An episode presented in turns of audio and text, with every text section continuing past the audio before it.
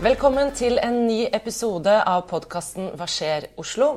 Den er laget av frivillige i Oslo Høyre, og i studio i dag så er det meg, Ingeborg Tennes, og Og meg. Jeg er Ola Peter Gjessing.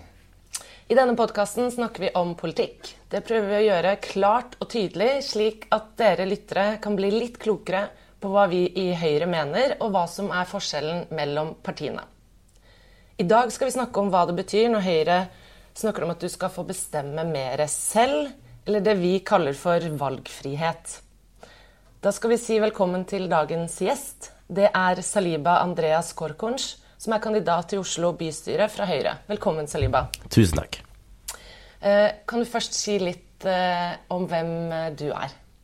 Jeg er gift, jeg har to små barn, jeg jobber på Stortinget, og tidligere så jobbet jeg for daværende helseminister Bent Høie. Men eh, var det ikke sånn at du har vært eh, lenge i eh, Bergen? Jo da, stemmer det. Jeg studerte der i fem år på NHH, og så jobbet jeg for byrådet eh, i Bergen.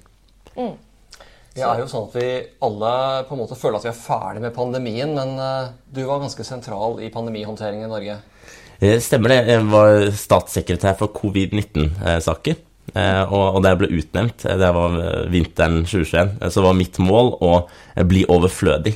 Eh, Og det er det ikke mange politikere som har som mål. Eh, Og det lykkes jeg sånn delvis med, i hvert fall, inni og ute av regjeringskontorene. Det er en veldig spesifikk eh, post. Eh, dagens tema det er valgfrihet. Og vi i Høyre vi mener jo at alle skal få lov til å ta viktige valg i livet sitt selv. Og vi bruker også å si at for å få det til, så ønsker vi å ta alle de gode kreftene i bruk. Eh, hva betyr egentlig dette? Det betyr at det, eh, egentlig, hvis man ser langt tilbake, så var det sånn at eh, hvem er det som startet skolen i Norge? Det var jo ikke staten sant? eller kommunene, det var eh, kirken og klostervesenet. Eh, hvem er det som startet eh, helsetjenester? Altså Det var jo landsbyleger som strengt tatt var private osv. Så, videre. så at vi har egentlig en lang historie som går mange mange hundre år tilbake, der hvor både private, ideelle og det offentlige går sammen om å løse eh, de viktige oppgavene. Eh, og, og det mener vi i Høyre er en, en styrke egentlig for hele for Norge. Det er sånn vi har gjort det veldig lenge. Det fungerer veldig godt.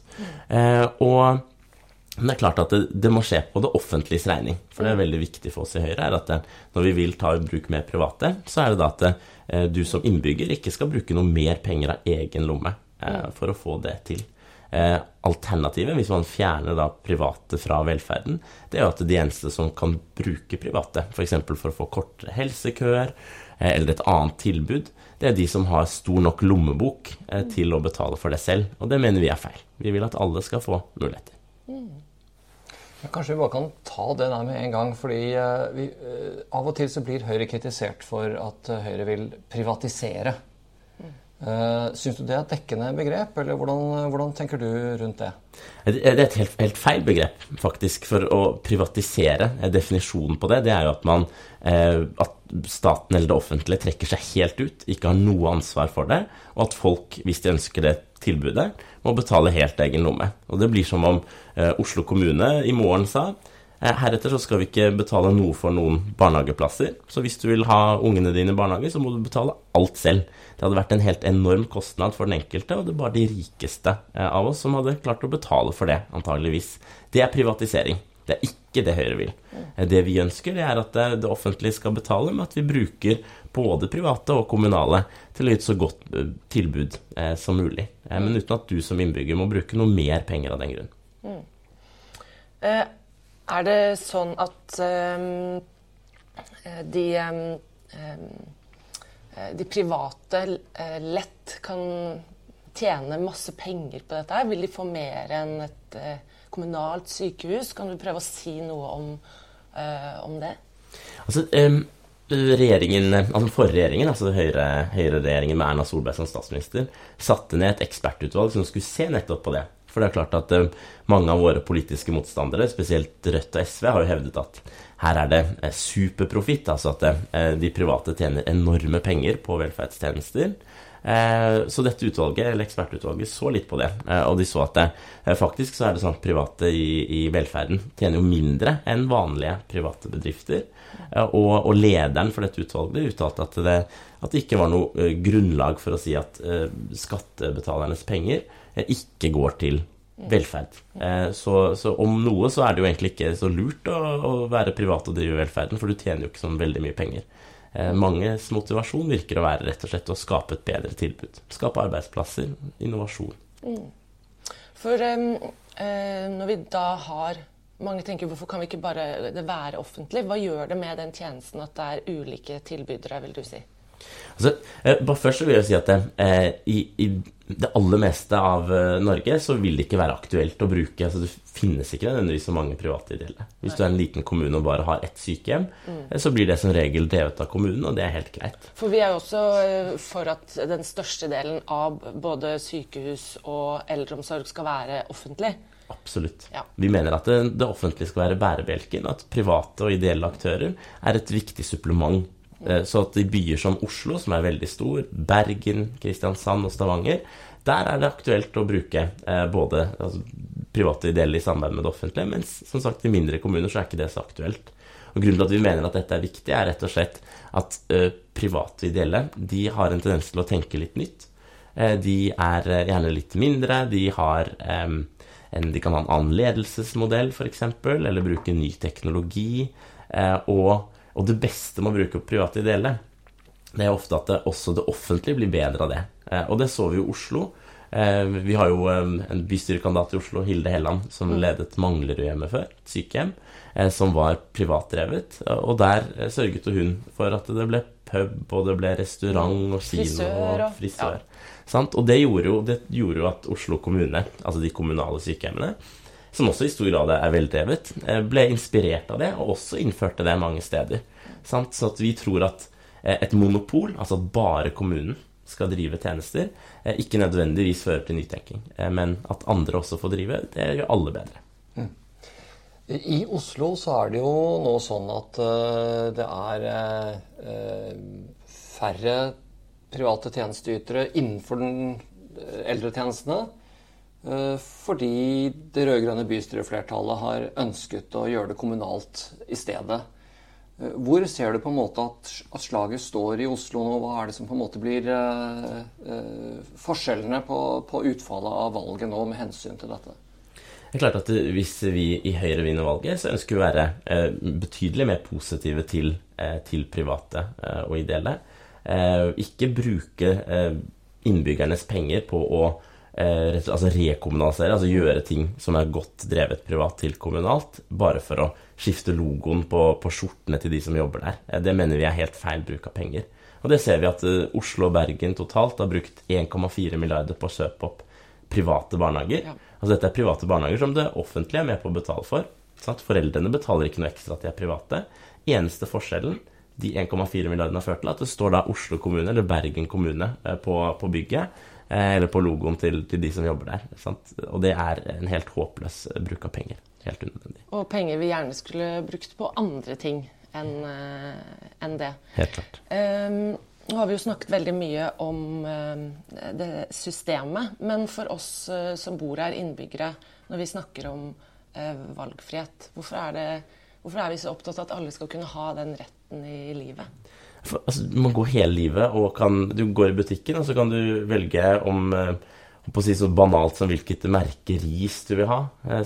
Eller du kan eh, velge hvilken mobiltype du vil ha, eller hvilken TV-kanal du ser på. Så vi går gjennom hele livet, og har heldigvis valgfrihet til, til, å velge det vi selv ønsker. Men plutselig, da, si du blir omsorgstrengende, altså at du, du, blir gammel og skrøpelig og trenger masse hjelp, så skal du plutselig ikke kunne velge, hvis det er da venstresiden. Eh, opp til venstresiden. Sant? Da, da får du den tjenesten fra kommunen, hjemmesykepleien eh, f.eks., som, som kommunen har bestemt for deg. Du kan ikke bestemme hvis du er misfornøyd med den tjenesten. Eh, så vil du da ha en klagerett. Altså du har rett til å klage, jeg er ikke fornøyd, men du kan ikke bytte. Og det syns vi er et paradoks. At du kan gå til Elkjøp og si at jeg har kjøpt en gressklipper, den vil jeg bytte.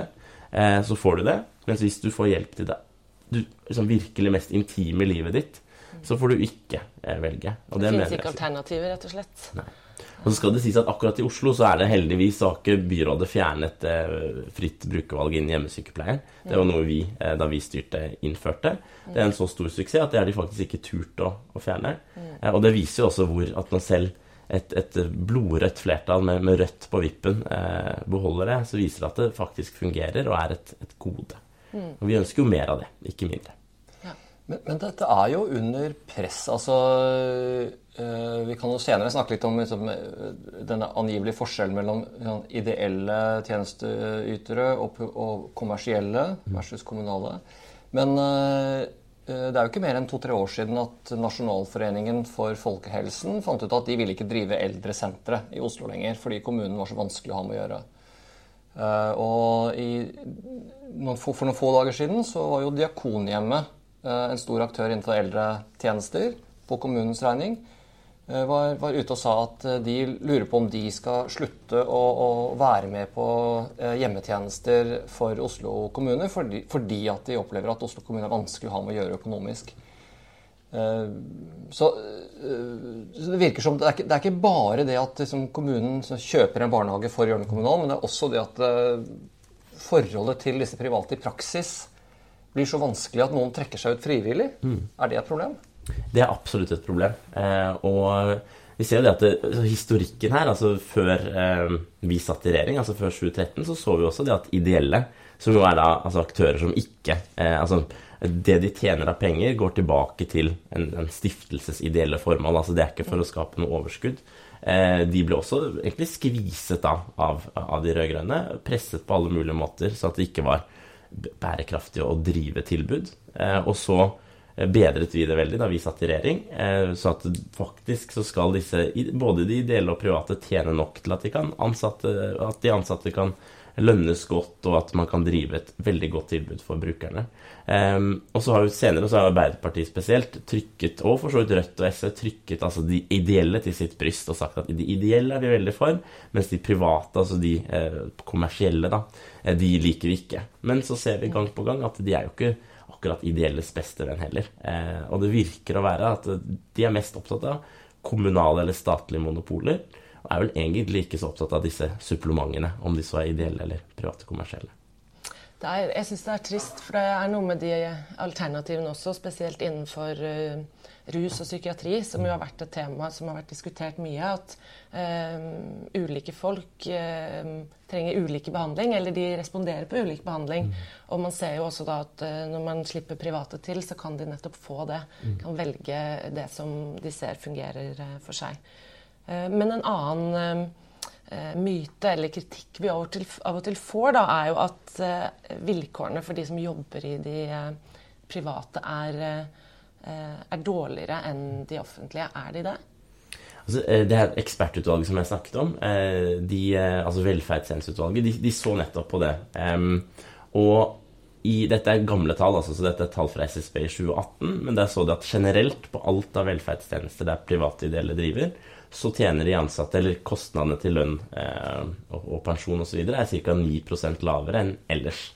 Eh, da har du ikke tatt hensyn til eh, sett på alderssammensetning eller utdanningsnivå. Altså hvis du er veldig ung eh, og relativt nyutdannet, så tjener du gjerne mindre enn enn hvis du eh, har jobbet lenge og er høyere utdannet, f.eks.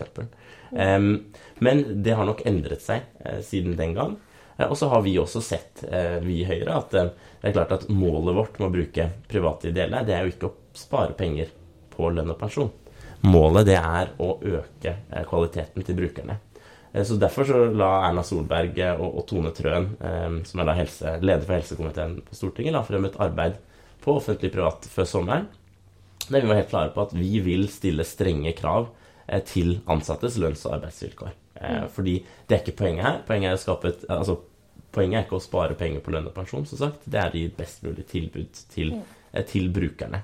Eh, Og i Oslo så har eh, byrådslederkandidaten vår gått enda lenger og sagt at ingen ansatte skal gå ned i lønn og pensjon dersom man f.eks. konkurranseutsetter et sykehjem. Altså at sykehjem går fra å bli drevet av kommunen til å bli drevet av private.